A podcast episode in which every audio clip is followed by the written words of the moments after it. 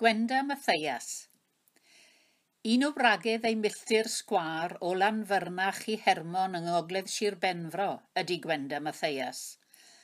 Ac fel llawer un arall tebyg iddi, mae wedi cyfrannu'n helaeth iawn i'w chymuned ac yn ehangach hefyd.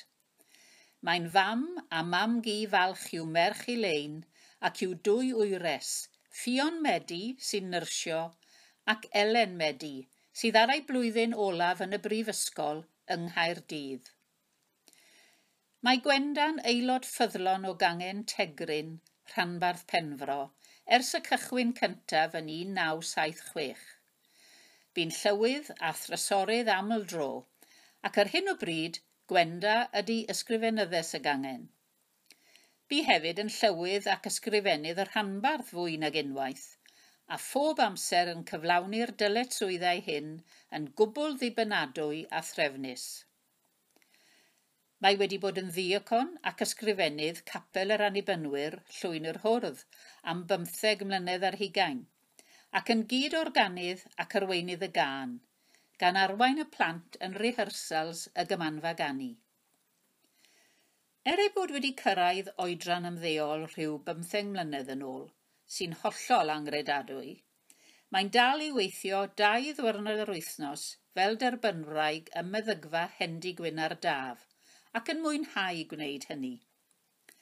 Mae wedi bod yno ers 1995 a gyda'i hoffter o goginio fe fydd ei chydweithwyr yn elwa. Bob pasg bydd yn mynd â chacen simnel yno, ac mae'r resait i'w weld yn llyfr Curo'r Corona'n Coginio. Hoff ddiddordebau Gwenda, pan gaiff amser hamdden, ydy cerdded, teithio, cerddoriaeth a garddio.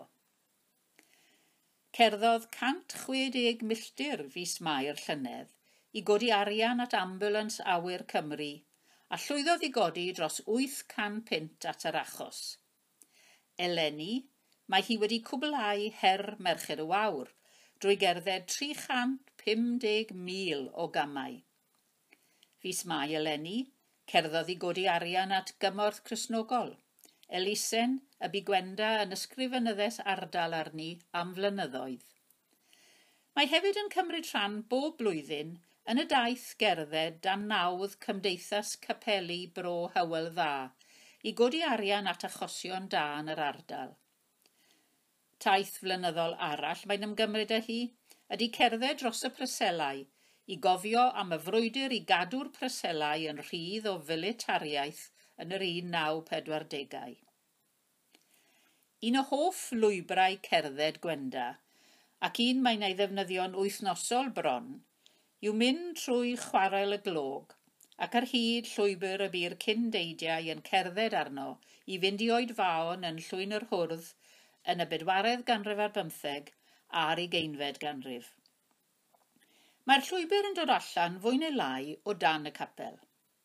Wedyn, oedi am ychydig yn y fynwent gan edrych ar y cerig beddau, sy'n ddiddordeb arall iddi. Ac wrth wneud hynny, mae dwy garreg fedd wedi cael cryn effaith arni. Bedd gwraig o'r enw Hannah Davies a fi farw o'r Spanish Flu yn 1919 yn ddeuddeg ar hugain oed. Roedd hi'n chwaer i William Davies a ddaeth adre o'r rhyfel wedi dal yr haint a'i chwaer yn ei nyrsio. Gwella fi hanes William, ond bu farw Hana. Chlywais i ddim gair ganddo erioed am farwolaeth ei chwaer, eglurodd Gwenda, oedd yn byw drws nesau i William pan yn blentyn, ac a fi'n rhoi gwersi canu iddi.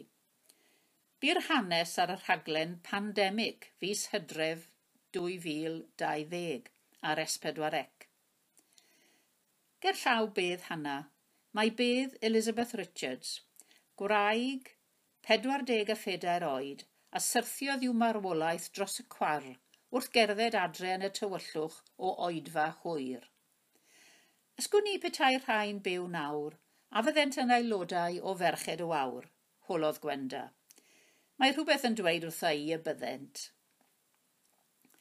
Erbyn hyn mae gan Gwenda feic trydan, felly allan ar ei beic fydd hi o hyn ymlaen. Eto, dawer awydd i fynd ymhellach fyth ambell dro. Cafodd bleser mawr yn teithio i Oberamagaw yn 2010 a Fatagonia yn 2019. Ac mae'n gobeithio mynd nôl i Batagonia eto cyn ei bod yn 80 oed.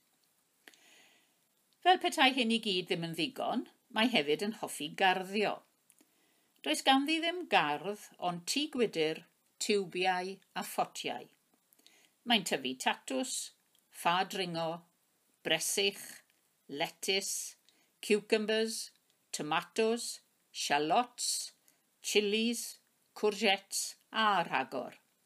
Ie, a blodau o bob math hefyd, gan arddangos blodau a phlanhigion yn sioe flynyddol Hermon. Bu Gwendan gadeirydd y sioe am nifer o flynyddoedd ac enillodd gystadleuaeth flodau'r pentref sawl gwaith. I chafbwynt ei hymwneud ar sioe oedd cael bod yn llywydd y dydd pan oedd y sioe yn dathlu'r ugain. Mae ein dyled yn rhanbarth penfro yn fawr i Gwenda a phobl debyg iddi sydd wedi aros yn ei hardal enedigol i gyfrannu a chyfoethogi bywyd ei bro.